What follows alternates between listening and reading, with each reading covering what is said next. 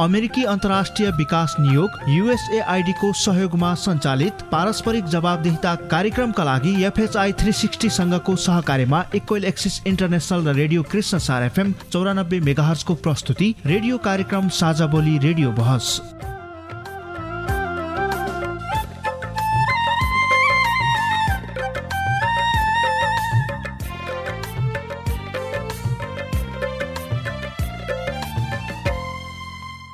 नमस्कार। साझा बोली रेडियो बहसमा तपाईँलाई स्वागत छ। म निसु जोशी।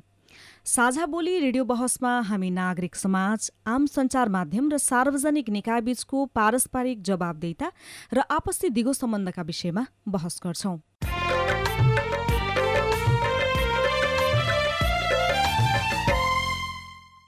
पारस्परिक जवाबदेताका क्षेत्रीय सवाल र परिवेश समेटेर तयार पारिएको साझा बोली रेडियो बहसको यो स्थानीय संस्करण हो। आजको साझा बोली रेडियो कृष्णसार एफएम चौरानब्बे मेगाहर्जले उत्पादन गरेको हो। यो कार्यक्रम radio Krishnasar FM Nepalgunj radio Gurubaba Bardiya र रेडियो भोइस कपिल वस्तुबाट पनि सुन्न सकिन्छ।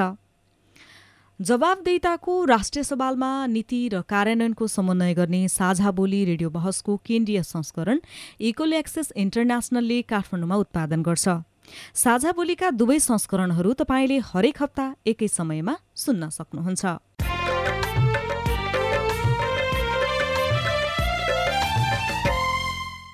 साझा बोली रेडियो बहसको यस सत्रको यो स्थानीय संस्करणको आज पहिलो भाग हो। झण्डै चार वर्ष अघिदेखि प्रसारण भइरहेको साझा बोली यस वर्ष रेडियो बहसका रूपमा उत्पादन तथा प्रसारण हुन लागेको हो।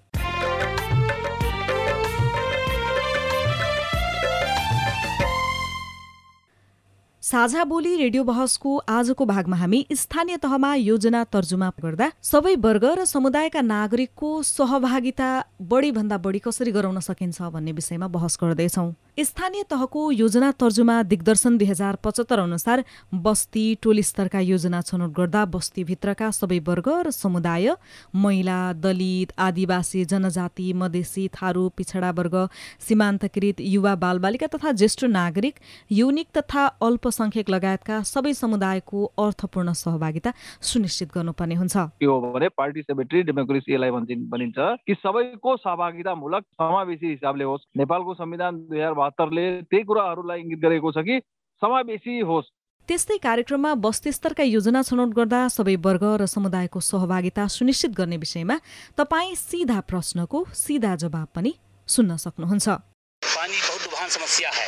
यहाँहरूको वास्तविक त्यस्तो समस्या छ भने उहाँहरूले निवेदन वडा अध्यक्षलाई फलानु टोलको यो यो समस्या थियो यो पनि समावेश गरिदिनुहोस् भनेर उहाँहरूले चाहिँ निवेदन वडामा दिने साथै पहुँच नभएका यी समुदायको सहभागिता सुनिश्चित गर्नका लागि के गर्न सकिन्छ भन्ने विषयमा हाम्रो छलफल केन्द्रित हुनेछ। यो छलफलबाट हामी केही निचोडमा पनि पुग्नेछौँ। यो नागरिक सहभागिता गर्न गराउन जरुरी छ किनकि यसमा हाम्रो नागरिक समाज पनि एउटा एक किसिमले एक्टिभ रोल नै खेल्नुपर्छ। यसमा हामी पनि चासो व्यक्त गर्ने अदालतबाट हुन सक्छ सचेत गराउँछौँ हाम्रो नागरिक समाजको प्रतिबद्धता यही छ। अठहत्तर उनासीको बजेट कार्यान्वयनको सन्दर्भमा अघि उठाइएका जे जति चाहिँ यहाँ विषयहरू भए त्यसलाई चाहिँ आत्मसात गर्ने चाहिँ प्रण गर्छु साझा बोली रेडियो कार्यक्रम अमेरिकी अन्तर्राष्ट्रिय विकास नियोग युएसएआईडी मार्फत अमेरिकी जनताहरूको सहयोगका कारण सम्भव भएको हो। यस कार्यक्रम भित्रका विषयवस्तु र सामग्री पारस्परिक जवाफदेहिता कार्यक्रमका एकल जिम्मेवारी हुन् र तिनले युएसएआईडी वा अमेरिकी सरकारको विचार प्रतिबिम्बित गर्छन् भन्ने जरुरी छैन। रेडियो कार्यक्रम साझा बोलीमा तपाईँलाई फेरि स्वागत छ।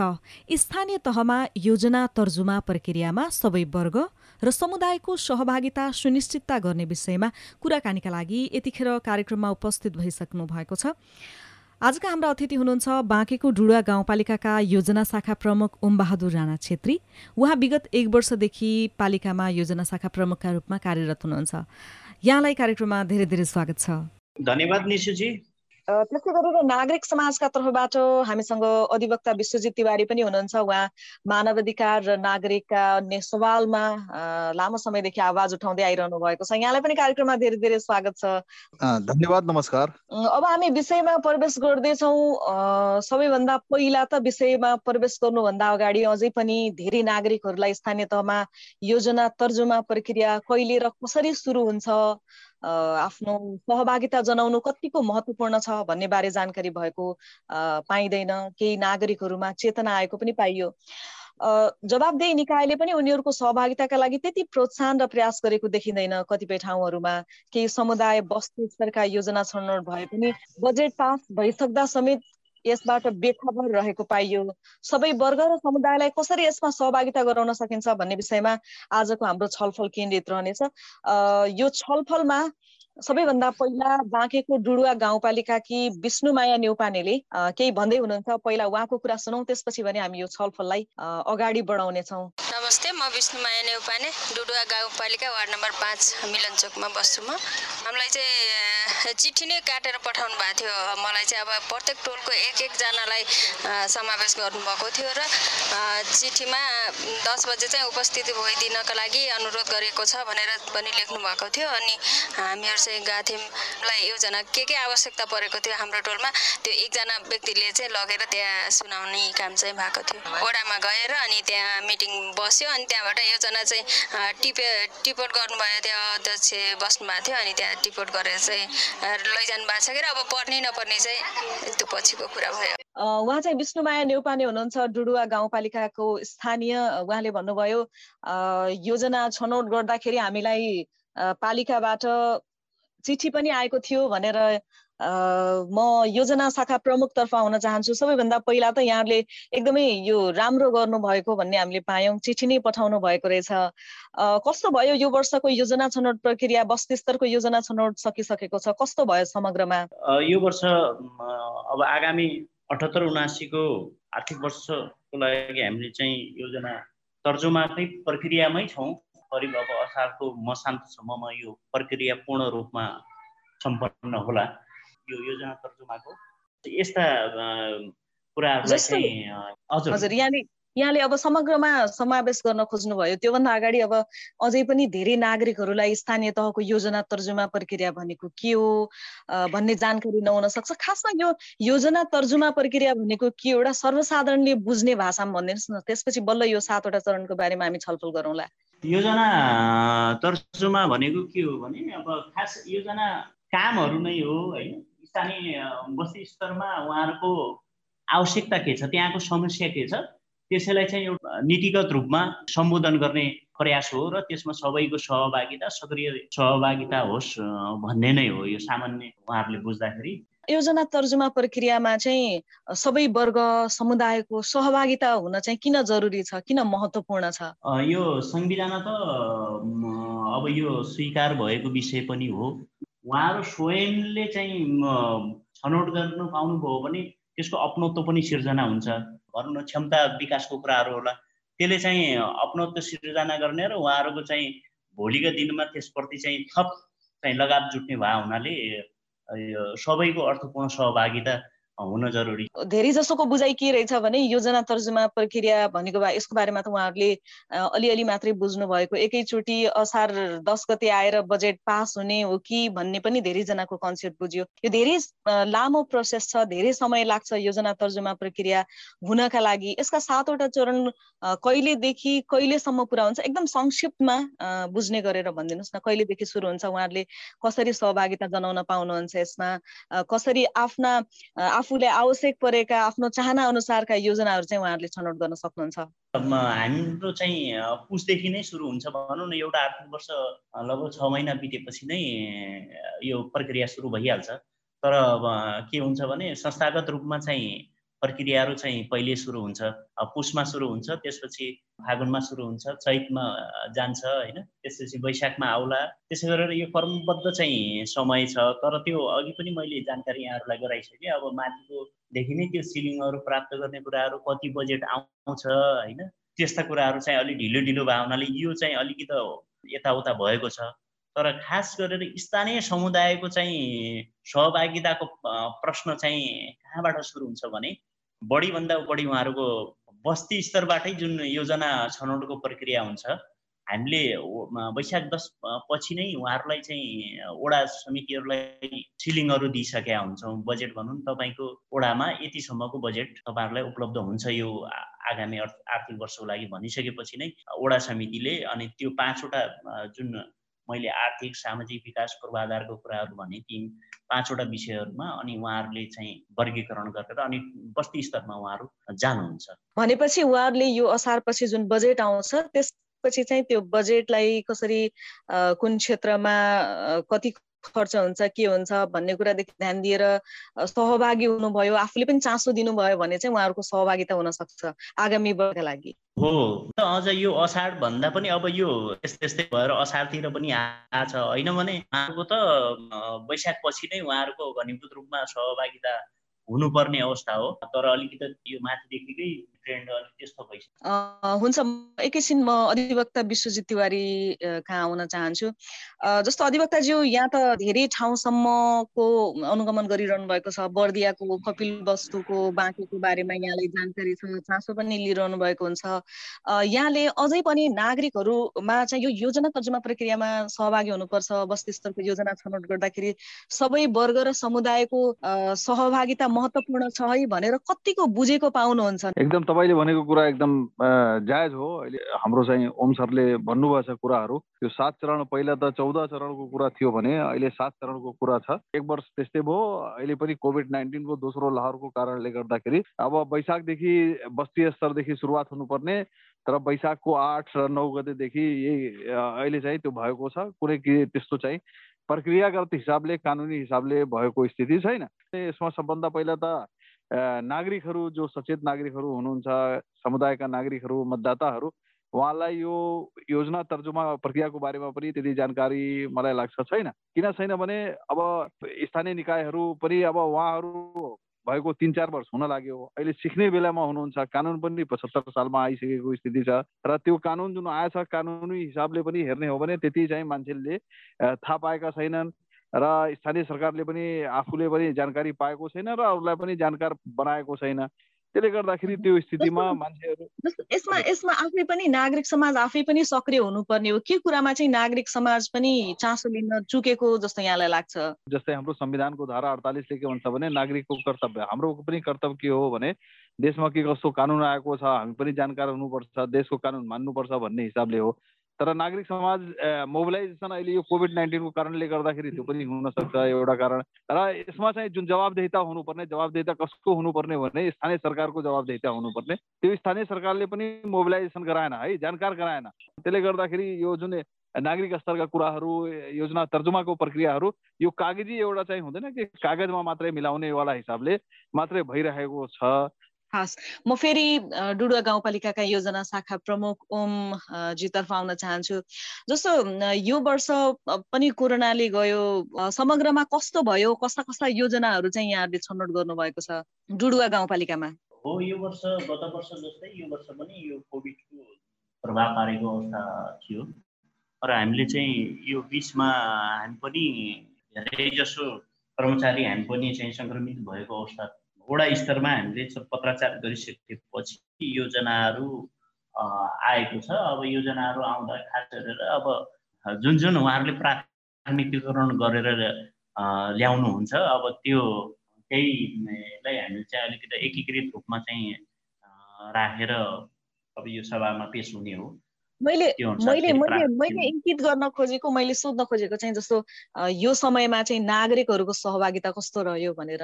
किनभने धेरै जम्मा भएर योजना छान्न सकिने अवस्था पनि थिएन।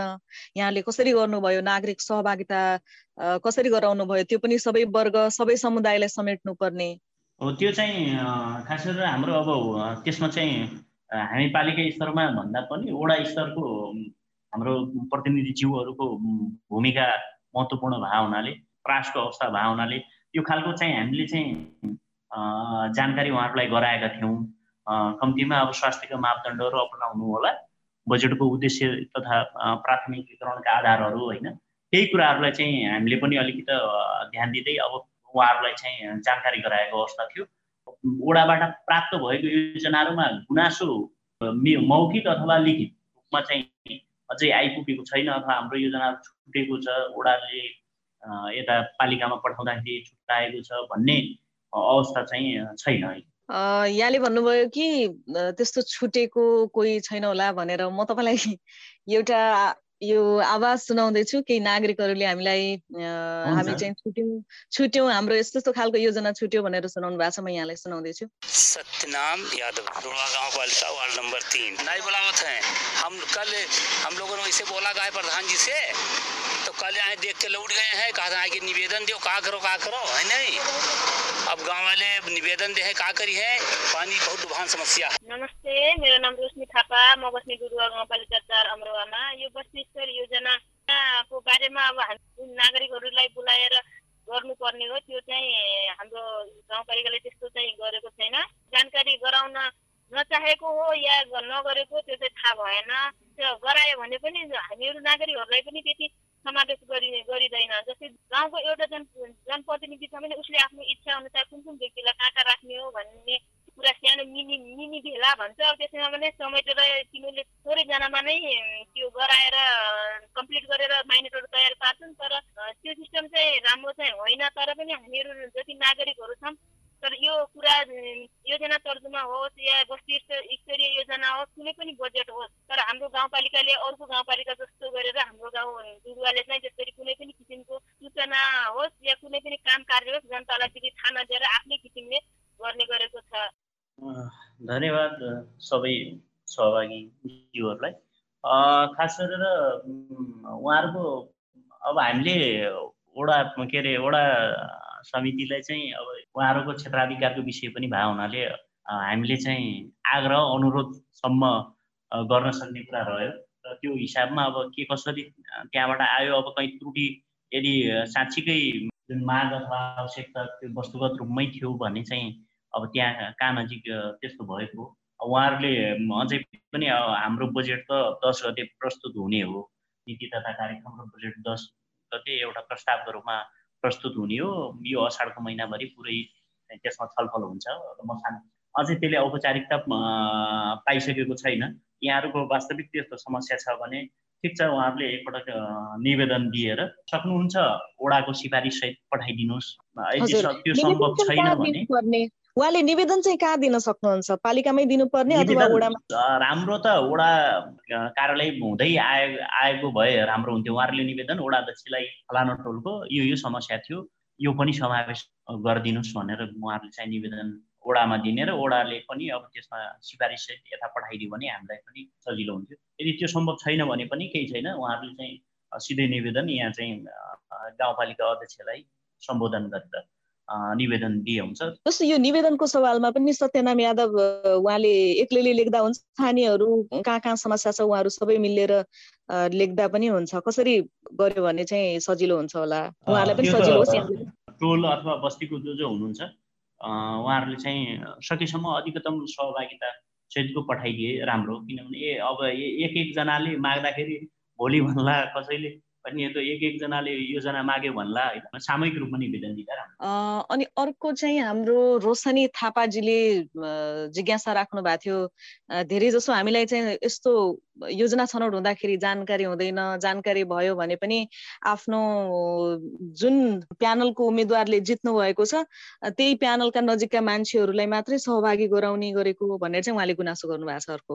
अब त्यो राजनीतिक विषयमा त म चाहिँ प्रवेश अलि गर्न सक्दिनँ कि अब त्यो उहाँहरूको चाहिँ यस्तो अब यो राजनीतिक अति नै अब ध्रुवीकरण हुन गएको हो कि भन्ने पनि छ देश खालको आवाज चाहिँ छ सबैलाई अब हाम्रो डुडुवाको मात्रै विषय नभएर। र म जहाँसम्म योजनामा म आइसकेपछि मलाई पनि एउटा रोचक र अनौठो लाग्यो एउटा के हो भने अहिलेसम्म ओडाबाट अथवा कुनै पनि आम सर्वसाधारणले चाहिँ होइन हाम्रो के के योजना परेको छ यो वर्षमा? हाम्रो टोलमा र कति बजेट छ भनेर चाहिँ म कहाँ कम्तीमा भनौँ न एउटा यत्तिकै सोध्नलाई मात्रै भने पनि अथवा एउटा जानकारीको लिनलाई मात्रै भए पनि म कहाँ एकैजनाले पनि सोधेको अवस्था छैन कि। यो अलिकति धेरैजना नागरिकहरूलाई योजना शाखाले के के काम गर्छ भन्ने कुरा जानकारी नभएको पनि हुनसक्छ। यहाँहरूले चाहिँ खास गरेर के के काम गर्नुहुन्छ योसँग सम्बन्धित त्यो पनि जानकारी गराइदिनुहोस् न। एकदमै महत्त्वपूर्ण कुरा राख्नुभयो। खास गरेर हाम्रो योजना शाखा योजना त अब व्यापक विषय छ। स्थानीय स्तरमा धेरै जसो चाहिँ उपभोक्ता समितिहरू मार्फत नै कामहरू हुने भएको हुनाले खास गरेर योजनामा हामीले चाहिँ के गर्छौँ भने योजना जब असारपछि त्यो बजेट पारित भइसकेपछि सम्बन्धित योजनाको चाहिँ लागत अनुमान तयार हुन्छ भनौँ। त्यहाँ के के बनाउनु उहाँहरूले मागेको कुरामा के के बनाउनु पर्ने हो त्यसमा आधारित रहेर इन्जिनियरहरूले त्यो नाप जाँच गरेर उहाँहरूले एक खालको इस्टिमेट बनाउनुहुन्छ। भनौँ न यो सामानमा यति लाग्छ यसको लम्बाइ यति हुनसक्छ। भन्ने त्यस्तो खालको चाहिँ कुनै बाटो छ भने बाटोको होइन अथवा विद्यालय छ भने विद्यालयको त्यो लागत अनुमान तयार हुन्छ। पालिकादेखि नै एउटा योजना पुस्तिका उपभोक्ता समितिको योजना पुस्तिका नै भन्ने हामीले बनाएको पनि छ। उहाँहरूलाई पढ्नलाई पनि सजिलो होला। त्यो उहाँहरूले एकदम फिल त्यो भर्न उहाँहरूले धेरै कुरा लेख्नु पर्दैन। त्यहाँ आवश्यक ठाउँमा हामीले खाली ठाउँहरू राखिदिएका छौँ। त्यहाँ उहाँहरूले भर्नु मात्रै पर्छ। र यदि नबुझेको खण्डमा हाम्रो चाहिँ यतादेखि पनि हामीले सहयोग गरिदिइराखेका हुन्छ। भनेपछि उहाँहरूले यो योजनाको बारेमा केही जानकारी लिनु पर्यो भने यहाँहरूलाई सम्पर्क गर्नुभयो भने पनि सजिलै त्यो जानकारी लिन सक्नुहुने भयो। अवश्य अवश्य।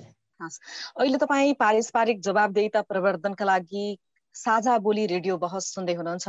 हामी कुराकानी गरिरहेका छौँ। योजना तहको योजना तर्जुमा प्रक्रियामा सबै वर्ग र समुदायका नागरिकको सहभागिता कसरी गराउन सकिन्छ भन्ने विषयमा छलफल गर्दैछौँ। हामीसँग छलफलमा हुनुहुन्छ बाँकेको डुडुवा गाउँपालिकाका योजना शाखा प्रमुख ओम बहादुर राणा छेत्री। त्यस्तै गरेर हामीसँग अधिवक्ता विश्वजित तिवारी पनि हुनुहुन्छ। उहाँ मानव अधिकारको क्षेत्रमा लामो समयदेखि काम गर्दै आइरहनु भएको छ र अहिले पछिल्लो समयमा स्थानीय तहमा भइरहेका गतिविधिहरू सुशासनसँग जोडिएर पनि उहाँले हेरिराख्नु भएको हुनाले आज हामीले यो बहसलाई एकदमै महत्त्वपूर्ण ठानेका छौँ। र यति बेलासम्म हामीले खास गरेर स्थानीय तहमा योजना तर्जुमा प्रक्रिया भनेको के हो यो किन आवश्यक छ यसमा सबै वर्ग र समुदायको सहभागिता गराउन किन महत्त्वपूर्ण छ भन्ने विषयमा छलफल गऱ्यौँ। अब म अधिवक्ता विश्वजित तिवारी कहाँ आउन चाहन्छु? हामीले सबै वर्ग समुदायको सहभागिता गराउनु पर्छ यो महत्त्वपूर्ण छ भनेर भनिरहेका छौँ। तर चुनौती कहाँनिर देख्नुहुन्छ? यहाँले अलिकति धेरै क्षेत्रमा पुगेर काम गरिरहेको अनुभवका आधारमा यहाँलाई अनुभव छ। यहाँले कस्तो पाउनुभयो? चुनौती चाहिँ के छ? अघि पनि हामीले केही कुरा कोट्याउने चाहिँ कोसिस गऱ्यौँ। के गर्यो भने चाहिँ उहाँहरूको सहभागिता बढीभन्दा बढी गराउन सकिएला जस्तो अझै पनि धेरै मजदुरी गरेर खाने वर्गहरू छन् उनीहरूलाई जानकारी गराउनु छ बुझाउनु छ यसको बारेमा। किन सहभागी हुने भन्ने कुरा पनि होला। हामीले कसरी सबभन्दा सब बढीभन्दा बढी उहाँहरूको सहभागिता गराउन सक्छौँ होला? यसमा चुनौती के छ? म यहाँतर्फ आउन चाहन्छु। जानकार गराउनु नै सबभन्दा ठुलो चुनौती हो र जानकारी लिनु पनि चुनौती हो। एउटा के हो भने जस्तै अब यो प्रत्येक गाउँपालिकाले प्रत्येक वार्डले के गर्नुपर्छ भने एउटा क्यालेन्डर बनाएर नै जनताको माझमा पुर्याइदिनुपर्छ हेर्नुहोस्। अहिले त के छ भने यो गाउँपालिकाले करोडौँ रुपियाँ बजेट हुन्छ सबै कुरा हुन्छ।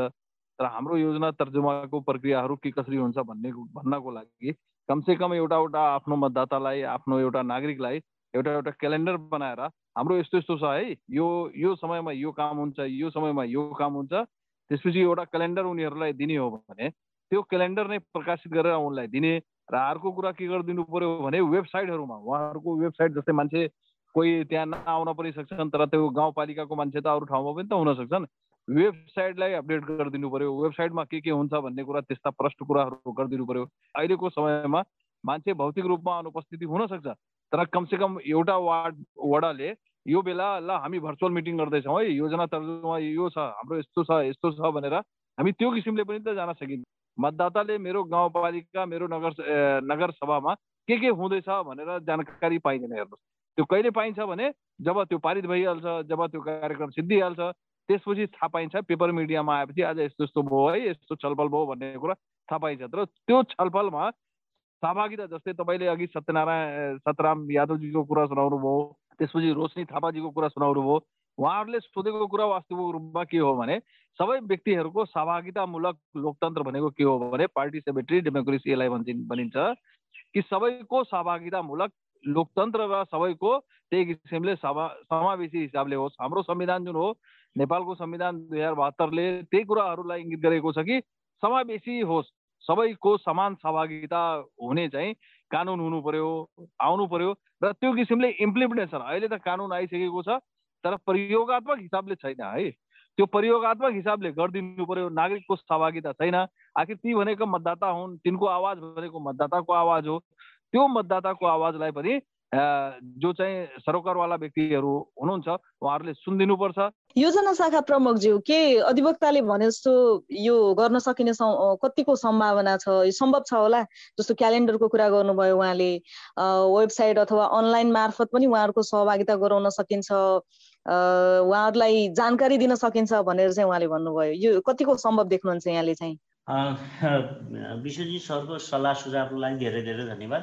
यो असम्भव भन्ने कुरा नै होइन एकदमै यो सामान्य कुरा जस्तो लाग्छ मलाई पनि। त्यो असम्भव भन्ने छैन त्यो क्यालेन्डरहरू बनाउन सकिन्छ। यो किनभने योजना बजेट पारित भइसकेपछि हामीले चाहिँ त्यसलाई कार्यान्वयन कार्ययोजना बनाउनु पर्ने हुन्छ। त्यही कार्यान्वयन कार्ययोजनालाई चाहिँ अझै सरलीकरण भनौँ न वडा स्तरीय बनाउन पर्ने हो भने वडा स्तरीय पनि बनाउन सकिन्छ।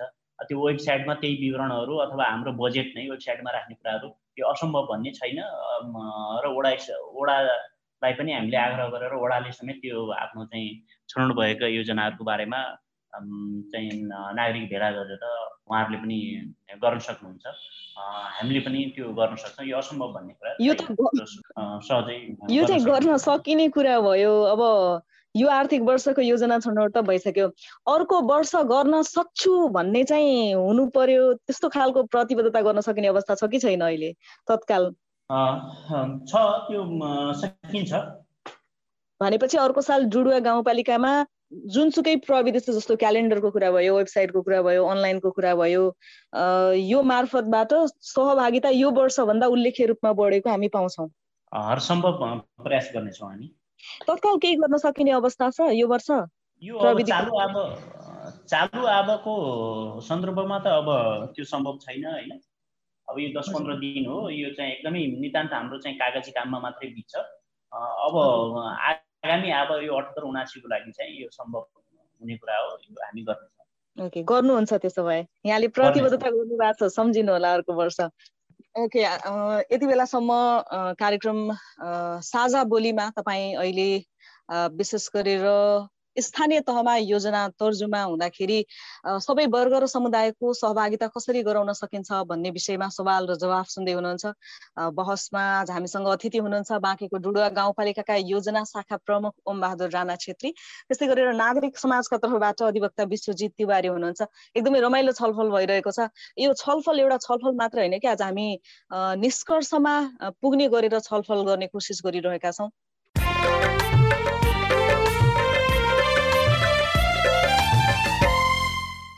हरेक वर्ग र समुदायको सहभागिताले उनीहरूका के छन्? उनीहरूका चाहना के छन्? उनीहरूले चाहे अनुसारको विकास निर्माण गर्न उनीहरूको सहभागिता आवश्यक छ। जस्तो बालमैत्री बाल बालिकाहरू त्यहाँ सहभागी भयो भने उनीहरूलाई कस्तो खालको संरचना आवश्यक छ? अपाङ्गता भएका व्यक्तिहरूको सहभागिता भयो भने उहाँहरूका लागि कस्तो खालको संरचनाको आवश्यक छ भन्ने कुरा जानकारी हुन्छ।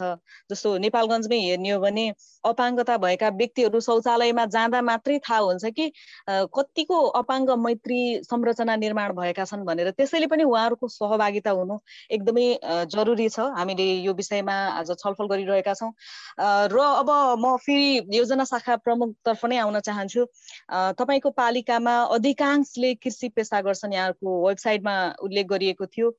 कृषि उत्पादन बेच्न र काम गर्न धेरै जसो नेपालगञ्ज उपमहानगरपालिकामा र रूपडियामा जाने गरेका छन् भनेर चाहिँ यहाँहरूको वेबसाइटमा यहाँले लेख्नु भएको रहेछ। उहाँहरू जस्तो नागरिकहरूको सह सहभागिता गराउनु भएको केही उदाहरण छ कि छैन?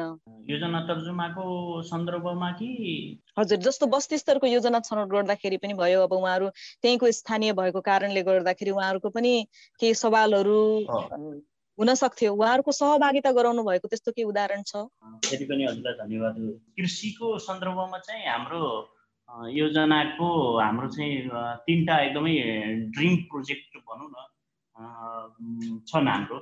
एउटा चाहिँ हाम्रो यो घर घर चाहिँ पशु स्वास्थ्य भन्ने छ होइन। हाम्रो त्यो कार्यक्रम अन्तर्गत हाम्रो चाहिँ केही पशु प्राविधिक साथीहरू हुनुहुन्छ। उहाँहरूलाई चाहिँ एउटा कृषक पशुपालन गर्ने कृषकले जुनसुकै बेला रातिको बाह्र बजे होस् या बिहानको छ बजे होस् या साँझको चार बजे होस् उहाँले फोन आफ्नो पशु चौपायामा कुनै समस्या छ भने उहाँले तुरुन्तै फोन गर्न सक्नुहुन्छ। र हामीले नि शुल्क रूपमा उहाँहरू तुरुन्तै स्पटमै गएर त्यो पशुको स्वास्थ्य परीक्षण गरेर तुरुन्तै औषधि उपचार गर्ने चाहिँ हाम्रो यो विगत वर्षदेखि नै छ र त्यो प्राथमिकताको रूपमा यो वर्ष पनि त्यो कार्यक्रम योजना निरन्तर क्रमागत रूपमा त्यो जानेछ।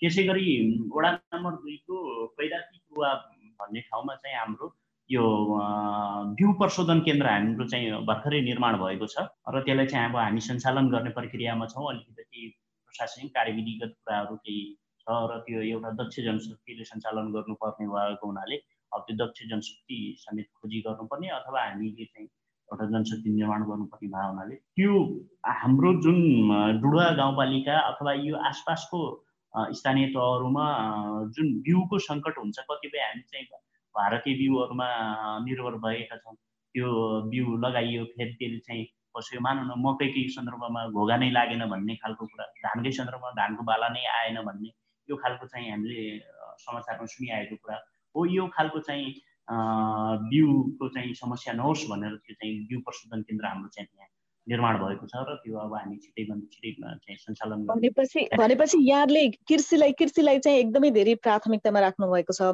जस्तो त्यहाँ मजदुरी गर्नेहरू विपन्न वर्गहरू धेरै हुनुहुन्छ भनेर यहाँले आफै वेबसाइटमा लेखिरहँदाखेरि पैँतालिस हजार यहाँहरूको पालिकाको कुल जनसङ्ख्या त्यसमध्ये मजदुरी गर्नेहरू पनि धेरै भनेपछि मजदुरी गर्नेहरूका लागि र विपन्न वर्गहरूका लागि स्पेसल त्यस्तो केही योजना छनौट गर्नुभएको छ जस्तो कृषिका लागि यहाँले धेरै भनिसक्नुभयो। मजदुरी गर्नेहरूका लागि र विपन्न वर्गका लागि त्यस्तो केही योजना छ? मजदुरी गर्ने र विपन्न वर्गको लागि चाहिँ खास गरेर हाम्रो चाहिँ यो मुख्यमन्त्री ग्रामीण स्वरोजगार कार्यक्रम प्रदेशको त्यो विशेष कार्यक्रम छ अनुदानको।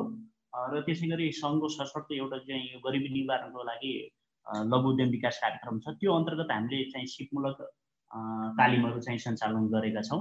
र अब त्यो उहाँहरू चाहिँ स्वरोजगार उहाँहरूलाई चाहिँ स्वरोजगारी प्रदान होस् भनेर त्यो खालको कार्यक्रमहरू चाहिँ सञ्चालित छन् र सँगसँगै हाम्रो पालिका स्तरीय पनि त्यो खालको क्षमता विकासका योजनाहरू छ रहेको छ। यस्तो तालिमहरूले मजदुरहरूको जीवन स्तर उकासेको धेरै जसो कस्तो उदाहरणहरू देखेको छु भने मैले तालिम चाहिँ दिने उहाँहरू तालिम मजाले लिनुहुन्छ। तर तालिम लिइसकेपछि गर्ने के? कसले उहाँहरूलाई चाहिँ रोजगारी दिने? यस्तो चाहिँ खासै पाइँदैन। म अधिवक्ता विश्वजित तिवारी कहाँ आउन चाहन्छु?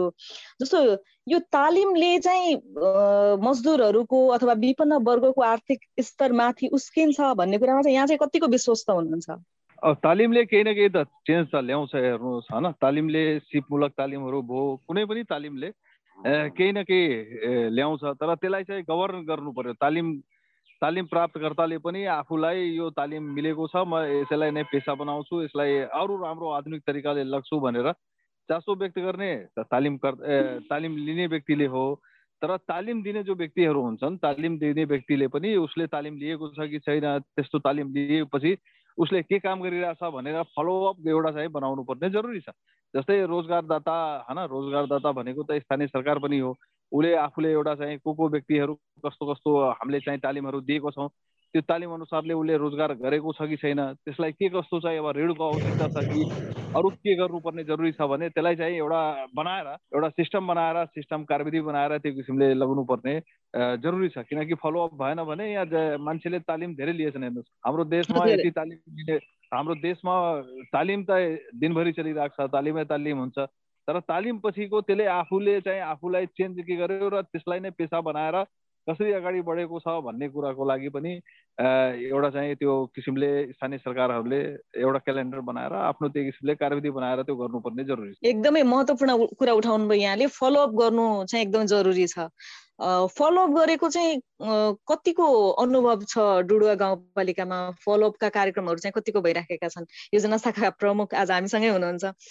फलोअपका कार्यक्रम कतिको भएका छन् योजना शाखा प्रमुखज्यू? यो तिवारीज्यूले चाहिँ भन्नुभएको कुरा चाहिँ एकदमै महत्त्वपूर्ण सान्दर्भिक कुरा पनि हो।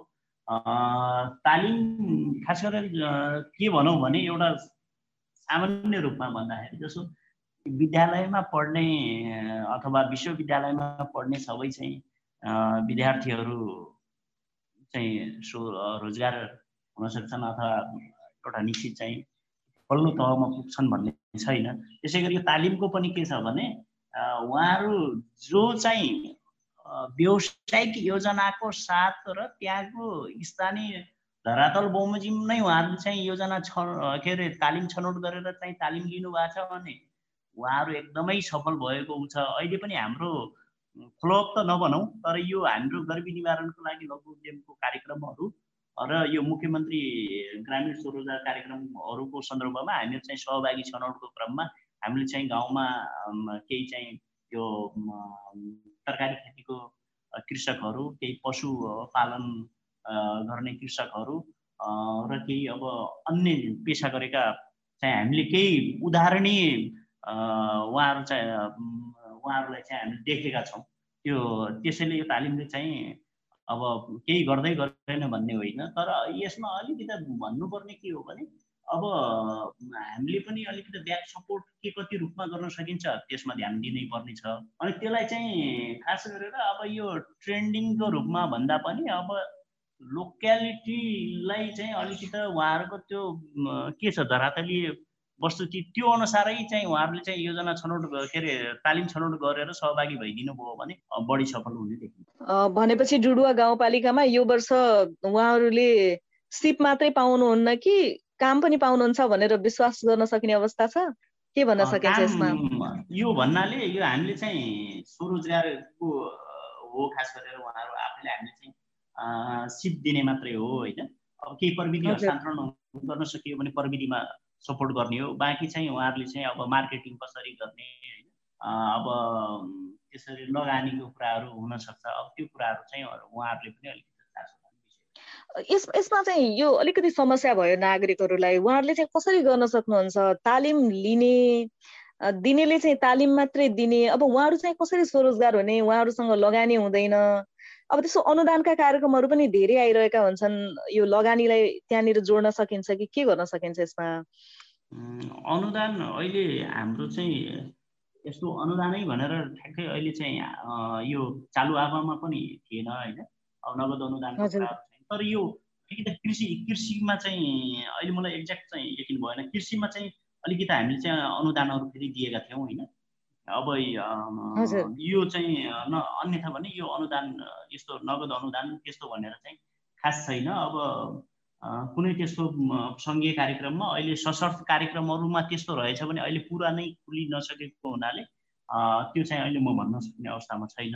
अन्यथा नगदको हजुरले जुन प्रश्न गर्नुभएको छ त्यो अनुसारको चाहिँ छैन। अब यो ठिक छ अहिले छलफलमा यो कुरा हुनाले अब के कति हुनसक्छ म अदितिज्यूलाई जानकारी गराउनु गराउनेछु। यहाँलाई धेरै धेरै धन्यवाद यो प्रतिबद्धताका लागि। अनि फेरि त्यो अनुदानमा पनि अब फेरि पहुँचवालाहरूले मात्रै पाउने भन्ने कुरा छ। त्यसमा पनि पहुँचवालाले मात्रै नपाउन्। मेरो तर्फबाट थोरै सुझाव धेरैजनाले यो गुनासो गर्नुहुन्छ। म यहाँहरूका लागि अर्को एउटा सुझाव अथवा जिज्ञासा के छ? एकजनाको आवाज राख्दैछु यहाँनिर। मैले यहाँहरूलाई सुन्नको लागि आग्रह गरेँ। नमस्कार मेरो नाम मिना थापा। घर चाहिँ मेरो बडियातल गाउँपालिका वार्ड नम्बर छ महिना पोखर अनि मानव अधिकारको लागि महिला एकल महिला समूह बर्दिया जिल्लाको चाहिँ म हाल अध्यक्ष पहिला चाहिँ स्थानीय चुनाव अगाडि चाहिँ अब योजना तर्जुमा हुने बेलामा बोलाइन्थ्यो है। निर्वाचन भएर जन जनप्रतिनिधिहरू आइसकेपछिको अवस्थामा हाम्रो आफ्नो पूर्ण सहभागिता चाहिँ त्यहाँ हुन हुँदै भएको छैन होइन? र अब हामीले हाम्रा योजनाहरू वार्डमा चाहिँ हामीले पेस गरेका हुन्छौँ। अब जस्तो हामीले एकल महिलाहरूको लागि महिला लक्षित कार्यक्रमहरूको लागि एकल महिलाको मात्रै नभएर महिला लक्षित विपन्न विपन्न वर्गका योजनाहरूलाई चाहिँ हामीले अब त्यहाँ सबैजना मिलेर अब आफ्नो आफ्नो वार्डमा पेस गर्छौँ।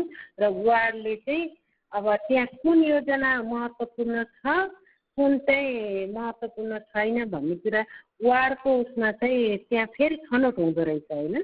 अनि छनौट भइसकेपछि अनि त्यो वार्डबाट अनि पालिकामा पठाएपछि अनि पालिकाबाट अनि त्यो विनियोजित हुँदो रहेछ। तर प्रत्यक्ष सहभागिता चाहिँ हाम्रो अब स्थानीय निर्वाचनपछि जनप्रतिनिधि आइसकेपछि हाम्रो प्रत्यक्ष सहभागिता चाहिँ भएको छैन। मिना थापा बर्दिया बडिया तालबाट हुनुहुन्छ। उहाँले चाहिँ जनप्रतिनिधि आइसकेपछि हाम्रो सहभागिता भएको छैन। त्योभन्दा अगाडि अलिअलि भए पनि सहभागिता हुने गरेको थियो भनेर भन्नुभयो। यतातिर चाहिँ कस्तो छ? किन होला यो जनप्रतिनिधि आइसकेपछि त झन् सहभागिता बढ्नुपर्ने? जनप्रतिनिधि भनिसकेपछि आफ्नै गाउँठाउँको मान्छे अलिकति भए पनि सूचना झन् फैलिनु पर्ने यसमा चाहिँ के के प्रतिक्रिया दिनुहुन्छ? म अधिवक्ता विश्वजित तिवारीज्यू कहाँ आउन चाहन्छु? उहाँको गुनासो एकदम जायज गुनासो हो। तर अहिले के छ भने पहिलाभन्दा त केही बेटर भएको स्थिति छ तर सुधार गर्नुपर्ने जरुरी छ कि? यो नागरिकको आवाज हो। नागरिकको आवाजलाई हामी सलाम गर्नुपर्छ। नागरिकको गुनासो नागरिकको आवाज नागरिकको चासो र मतदाता उहाँ भनेको मतदाता पनि हो। र भोलिको दिनमा उहाँले चाहिँ भोट पनि गर्नुहुन्छ। त्यही मतदाताले एकचोटि गरेको भोटबाट पाँच सालसम्म कुनै पनि चाहिँ पदाधिकारीहरू स्थानीय सरकारहरू त्यही किसिमले बन्छन् होइन निर्वाचित हुन्छन्। तर मतदाताको जुन आवाज हो त्यो मतदाताको आवाजलाई कहीँ न कहीँ त्यसलाई चाहिँ हामीले सुन्नुपर्छ हेर्नु। सुनेर त्यसलाई चाहिँ फलोअप गरेर त्यो त्यही किसिमले गर्नुपर्छ। किनकि नागरिक भनेको सार्वभौम सत्ता सम्पन्न हाम्रो संविधानले नै भनेको छ कि नागरिक एउटा सार्वभौम सत्ता सम्पन्न नागरिक हुन्छ। र सार्वभौम सत्ता सम्पन्न भनेको के हो भने जसले चाहिँ आफूले वडा अध्यक्ष बनाउँछ वडा सदस्य बनाउँछ र गाउँपालिका प्रमुख बनाउँछ त्यही व्यक्तिले प्रधानमन्त्री बनाउँछ त्यही व्यक्तिले सङ्घीय सांसद बनाउँछ प्रदेश सांसद बनाउँछ त्यसले गर्दाखेरि त्यसका चाहिँ कुराहरू एकदम सुन्नुपर्ने र सम्बोधन गर्नुपर्ने तत्काल आवश्यक छ। पहिले यति कुरा राखेँ। यसमा केही प्रतिक्रिया छ योजना शाखा प्रमुखज्यूको? के अरे उहाँको चाहिँ जिज्ञासा जनप्रतिनिधि आइसकेपछि चाहिँ सहभागी हुन पाइएन भन्ने चाहिँ उहाँको गुनासो छ। हो यो चाहिँ अब अलिकति पर्याप्त अन्तर्क्रिया उहाँहरूको बिचमा। अब केवल हामीले कस्तो के रूपमा मात्रै बुझ्यौँ भने अन्तर्क्रिया भन्ने कुरा केवल चाहिँ फलानु मितिमा चाहिँ यति बजे तपाईँहरू उपस्थित हुनुहोला यो ठाउँमा उपस्थित हुनुहोला भनेर चाहिँ व्यापक छलफल मात्रै हामीले बुझेका छौँ। अन्तर्क्रिया भनेको त्यति मात्र नभएर व्यक्तिगत अन्तर्क्रियाहरू पनि हुन सक्छन्। उहाँहरू चाहिँ सम्बन्धित वडा कार्यालयमा आउने उहाँहरू चाहिँ वडा अध्यक्ष त्यहाँ हुनुहुन्छ वडाका सचिवहरू हुनुहुन्छ अरू कर्मचारीहरू हुनसक्छ अनि त्यसरी अन्य वडा सदस्यज्यूहरू त्यहाँ हुनु सक्नुहुन्छ। उहाँहरूले उहाँहरूसँग पनि बसेर आफ्नो कुराहरू त्यहाँ निर्लक्ष कुराहरू सँग राख्दाखेरि सबभन्दा राम्रो हो। यो अन्तर्क्रिया त्यसरी पनि हुनसक्छ भन्ने मेरो चाहिँ त्यस्तो चाहिँ मलाई लाग्छ। हजुर उहाँहरूको त्यो शिक्षाका लागि चाहिँ कस्ता कस्ता खालका कार्यक्रमहरू सञ्चालन गर्न सकिन्छ होला? पालिका स्तरबाट यहाँ त योजना शाखाको प्रमुख भएको नाताले यहाँलाई धेरै आइडिया छ होला। कस्ता कस्ता खालका कार्यक्रमहरू सञ्चालन हुनुपर्छ होला उहाँहरूको शिक्षाका लागि अब? हामी नागरिक सहभागिताको कुरा गरिरहेको म एउटा साधारण कुरा मात्रै भन्छु यहाँ हामीले कुनै ओडाको अथवा कुनै बस्ती सानो बाटो निर्माणको योजना छ बाटो निर्माणको योजना छ भने त्यसमा चाहिँ अन्तर्क्रियाको कुराहरूमा चाहिँ खास गरेर सार्वजनिक सुनवाई सामाजिक परीक्षण भन्ने विषयहरू पनि हुन्छन्। हो त्यो त्यस्ता कुराहरूमा पनि उहाँहरू चाहिँ अलिक सक्रिय रूपमा सहभागी भइदिनु पऱ्यो। त्यहाँ उपभोक्ता समितिहरू निर्माण गरिरहेछ भने त्यहाँ काममा गएर चासोहरू राखिदिने होइन उहाँहरूको सहभागिता। मानव न अब उहाँले चाहिँ श्रमदान गर्न सक्नुहुन्न भने पनि कम्तीमा चासोहरू पक्कर गर्ने उहाँहरूको सल्लाह सुझावहरू दिन सक्नुहुन्छ। त्यहाँको उपभोक्ता समितिहरूसँग पनि गर्न सक्नुहुन्छ र यो प्रत्येक योजनामा सार्वजनिक सुनाइ र सामाजिक परीक्षण भन्ने विषयहरू चाहिँ अनिवार्य रूपमा चाहिँ हाम्रो पालिकामा भइरहेको अवस्था छ। र त्यो कुराहरू चाहिँ उहाँहरू चाहिँ त्यस्तो कुराहरूमा चाहिँ निरन्तर रूपमा सहभागी हुन सक्नुहुन्छ। बाँकी चाहिँ व्यक्तिगत रूपमा अनौपचारिक रूपमा उहाँहरूले चाहिँ यता हाम्रो पालिकामा पनि आएर राख्न सक्नुहुन्छ वडा कार्यालयमा पनि गएर राख्न सक्नुहुन्छ। र त्यस सँगसँगै अब पहिले पनि यहाँ उठिसकेको कुरा विश्वजी सरले भन्ने जस्तै यो क्यालेन्डर बनाएर चाहिँ राख्ने कुरा वेबसाइटको कुराहरू त्यो पनि छँदैछ हस्। एकजना राजनीति कर्मीले पनि आफ्नो केही भनाइहरू पठाउनु भएको छ उहाँको भनाइ सुनाउँछु म यहाँलाई नमस्कार। म नेपाल कम्युनिस्ट पार्टी एकीकृत मार्क्सवाद लेनवाद नेकपा एमालेको बर्दिया जिल्ला कमिटीको सचिवालय सदस्य बडिया ताल गाउँपालिका कमिटीको इन्चार्ज अति विपन्न लक्षित वर्ग समुदाय अन्तर्गतका कुराहरू दलित महिला जनजाति अपाङ्गता भएका व्यक्तिहरू अपाङ्गता भएका बालबालिकाहरू त्यसपछि अन्य सबै वर्ग थारू जनसमुदाय लगायतका सबै वर्गको विकास कसरी गर्न सकिन्छ र बदलिँदो परिवेशमा गर्नुपर्ने विकासका गतिविधि के हुन् त? आम जनताका पक्षमा काम कसरी गर्न सकिन्छ? जनताले आफूले अपनत्व गर्न सक्ने यो काम भयो है। विकासका कामहरू यही हुन सके है। सबै तहका जनताले महसुस गर्ने गरी स्थानीय तहको विकास निर्माणको लागि योजना तर्जुमा गर्नुपर्छ। उहाँले योजना छनौटमा चाहिँ आफू सहभागी भएको सबै वर्ग समुदायले महसुस गर्ने गरी योजना बनाउनु पर्छ भन्ने कुरा पनि गर्नुभयो। रोजगारीको क्षेत्रलाई त्यसै गरेर कृषिलाई चाहिँ प्राथमिकता दिनुपर्ने भनेर चाहिँ उहाँले भन्नुभयो। डुडुवा गाउँपालिकामा पनि यही यही कुरालाई प्राथमिकता दिनुभएको छ कि अलिक केही फरक छ? छोटोमा भनिदिनु होला। प्राथमिकीकरणको सन्दर्भमा त हाम्रो कृषि सधैँ चाहिँ अगाडि नै पर्दछ अब खास गरेर यो कोभिड पछि त झनै यसमा चाहिँ थुप्रै मान्छेहरू चाहिँ रोजगारीहरू गुमाए। उनीहरू पनि भनौँ न फेरि कृषिमै आएर थुपरिएको अवस्था छ होइन।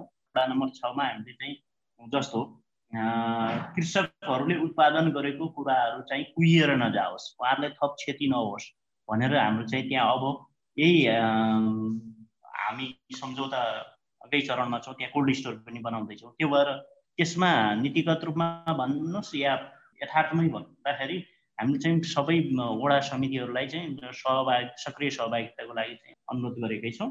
र त्यो भइरहेको अवस्था नै छ। म अधिवक्ता विश्वजित तिवारीज्यू कहाँ आउन चाहन्छु। स्थानीय तहको योजना तर्जुमा प्रक्रियामा चाहिँ अब कसरी नागरिकको सहभागिता गराउन सकिन्छ भन्ने विषयमा चाहिँ यहाँले नागरिक समाजको तर्फबाट कस्तो भूमिका खेल्न सक्नुहुन्छ? यहाँको प्रतिबद्धता के के हुन्छ? हाम्रो सहभागिता कसरी हुन्छ भने हामीले नागरिकका आवाजहरूलाई यस्तै उठाउने हो र त्यसपछि यो सूचनाको हक माध्यमबाट चाहिँ जनतालाई जागरुक गराउने हो। र त्यसपछि जागरुकताको हिसाबले पनि आफू पनि चासो लिनु पर्यो र डिमान्ड साइड पनि त्यही किसिमले राख्नु पर्यो भने सप्लाई साइड पनि त्यही किसिमले हामीले उहाँहरूलाई अवेर गराउनु पर्यो। कि नागरिकका आवाजहरू त्यही किसिमले वकालत गर्नु पर्यो कि उनीहरूले पनि हामीलाई चाहिँ यो नागरिक सहभागिता कुराहरू राख्छौँ हामी प्रतिबद्धता पनि व्यक्त गर्छौँ। यो कुराको लागि सदैव हामी चाहिँ चासो व्यक्त गर्छौँ र आवाज उठाउँछौँ। मुद्दाबाट हुन सक्छ या अदालतबाट हुन सक्छ या बोलेर हुन सक्छ हाम्रो नागरिक समाजको प्रतिबद्धता यही योजना शाखा प्रमुख ज्यूको पनि प्रतिबद्धता लिइहालौँ अब यो कसरी नागरिकहरूको सहभागिता त्यो पनि सबै वर्ग र समुदायको सहभागिता कसरी बढी भन्दा बढी गराउन सकिन्छ होला? यहाँको प्रतिबद्धता चाहिँ के हुन्छ योजना शाखा प्रमुखको नाताले? हामी समस्या पनि उठाउँ सँगसँगै त्यसलाई चाहिँ समाधान पनि गरौँ र सबैजना मिलेर चाहिँ गाउँपालिका अथवा स्थानीय तहको विकास निर्माणमा हातेमालो गरौँ।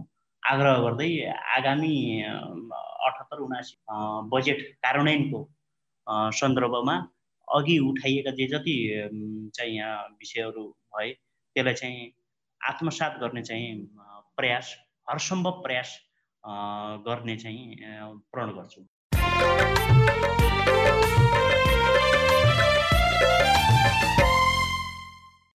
साझा बोली रेडियो बहसमा अहिले हामी कुराकानी गरिरहेका छौँ। स्थानीय तहमा योजना तर्जुमा प्रक्रियामा सबै वर्ग र समुदायका नागरिकहरूको सहभागिताका विषयमा हामी छलफल गरिरहेका छौँ। हामीसँग छलफलमा हुनुहुन्छ बाँकेको डुडुवा गाउँपालिकाका योजना शाखा प्रमुख ओम बहादुर राणा छेत्री। त्यस्तै गरेर नागरिक समाजका तर्फबाट अधिवक्ता विश्वजित तिवारी हुनुहुन्छ।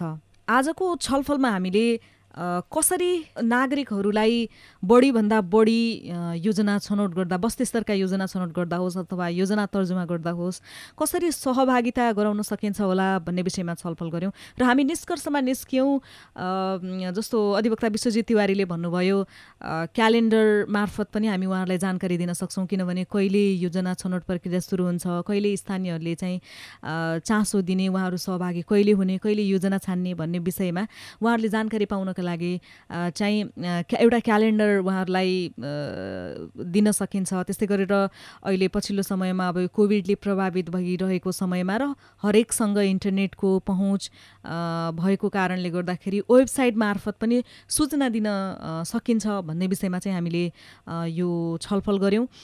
यति मात्रै होइन नागरिक समाजका तर्फबाट नागरिकहरू आफै जागरुक पनि हुनुपर्छ भन्ने निष्कर्ष पनि हामीले निकाल्यौँ कार्यक्रमबाट। पालिकाले जसरी एउटा नागरिकहरूलाई सचेत बनाउनका लागि जुन जिम्मेवारी निभाउनु पर्ने हो त्यो जिम्मेवारी निभाउनका लागि प्रतिबद्ध रहेको कुरा पनि हामीलाई जानकारी गराइसक्नु भएको छ प्रतिबद्धता जनाइसक्नु भएको छ योजना शाखा प्रमुखज्यूले र आफूबाट हुन सक्ने कामहरू चाहिँ गर्ने उहाँले प्रतिबद्धता जनाउनु भएको छ। यो बहसका लागि यहाँहरू दुवैजनालाई धेरै धेरै धन्यवाद। हस् धन्यवाद।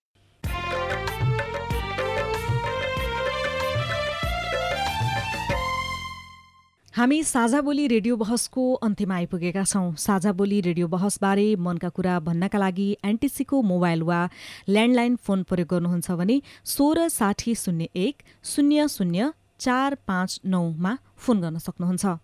एन्सेल प्रयोग गर्नुहुन्छ भने अन्ठानब्बे शून्य पन्ध्र एकहत्तर शून्य उन्तिसमा फोन गर्नुहोला। यी नम्बरहरूमा फोन गरेको पैसा लाग्दैन र प्राप्त निर्देशनअनुसार प्रश्न सोध्न पनि सक्नुहुन्छ।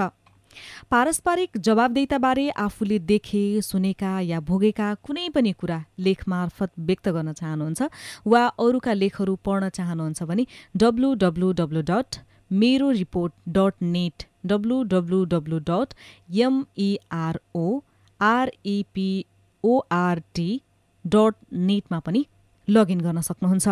साझा बोली रेडियो बहस तपाईँले मेरो रिपोर्ट वेबसाइट पोडकास्ट च्यानल र सामाजिक सञ्जालहरूमा पनि सुन्न सक्नुहुन्छ।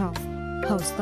आजको साझा बोली रेडियो बहसबाट अब विदा हुने बेला भयो। आज हामीले स्थानीय तहमा योजना तर्जुमा प्रक्रियामा सबै वर्ग र समुदायको सहभागिता सुनिश्चित गर्ने विषयमा खरो कुराकानी गर्यौँ यो वर्ष तत्काल केही कुराहरू लागू गर्न सकिने कुरा चाहिँ लागू गर्ने र नसकिने कुराहरू आगामी वर्ष भए पनि पुरा गर्ने योजना शाखा प्रमुखले आफ्नो प्रतिबद्धता जनाइसक्नु भएको छ र नागरिक समाजका तर्फबाट अधिवक्ता विश्वजित तिवारीले पनि आफ्नो प्रतिबद्धता जनाइसक्नु भएको छ। आजका हाम्रा अतिथि डुडुवा गाउँपालिकाका योजना शाखा प्रमुख ओम बहादुर राणा छेत्री र अधिवक्ता विश्वजित तिवारीले अब आउँदा दिनमा आगामी दिनमा स्थानीय तहको योजना तर्जुमा प्रक्रियामा सबै वर्ग र समुदायको सहभागिता सुनिश्चित गर्ने प्रतिबद्धता जनाउनु भएको छ। आशा छ यी प्रतिबद्धताहरू पुरा हुनेछन्। यतिन्जेलसम्म ध्यान दिएर कार्यक्रम सुन्नुभएकोमा तपाईँलाई धन्यवाद। आगामी हप्ता पनि आजको जस्तै समयमा सार्वजनिक जवाबदेताको अर्को विषयमा खरो छलफल लिएर आउनेछौँ। सुन्न नबिर्सिनुहोला। आजको कार्यक्रमबाट म निसु जोशी पनि बिदा हुन्छु। नमस्कार।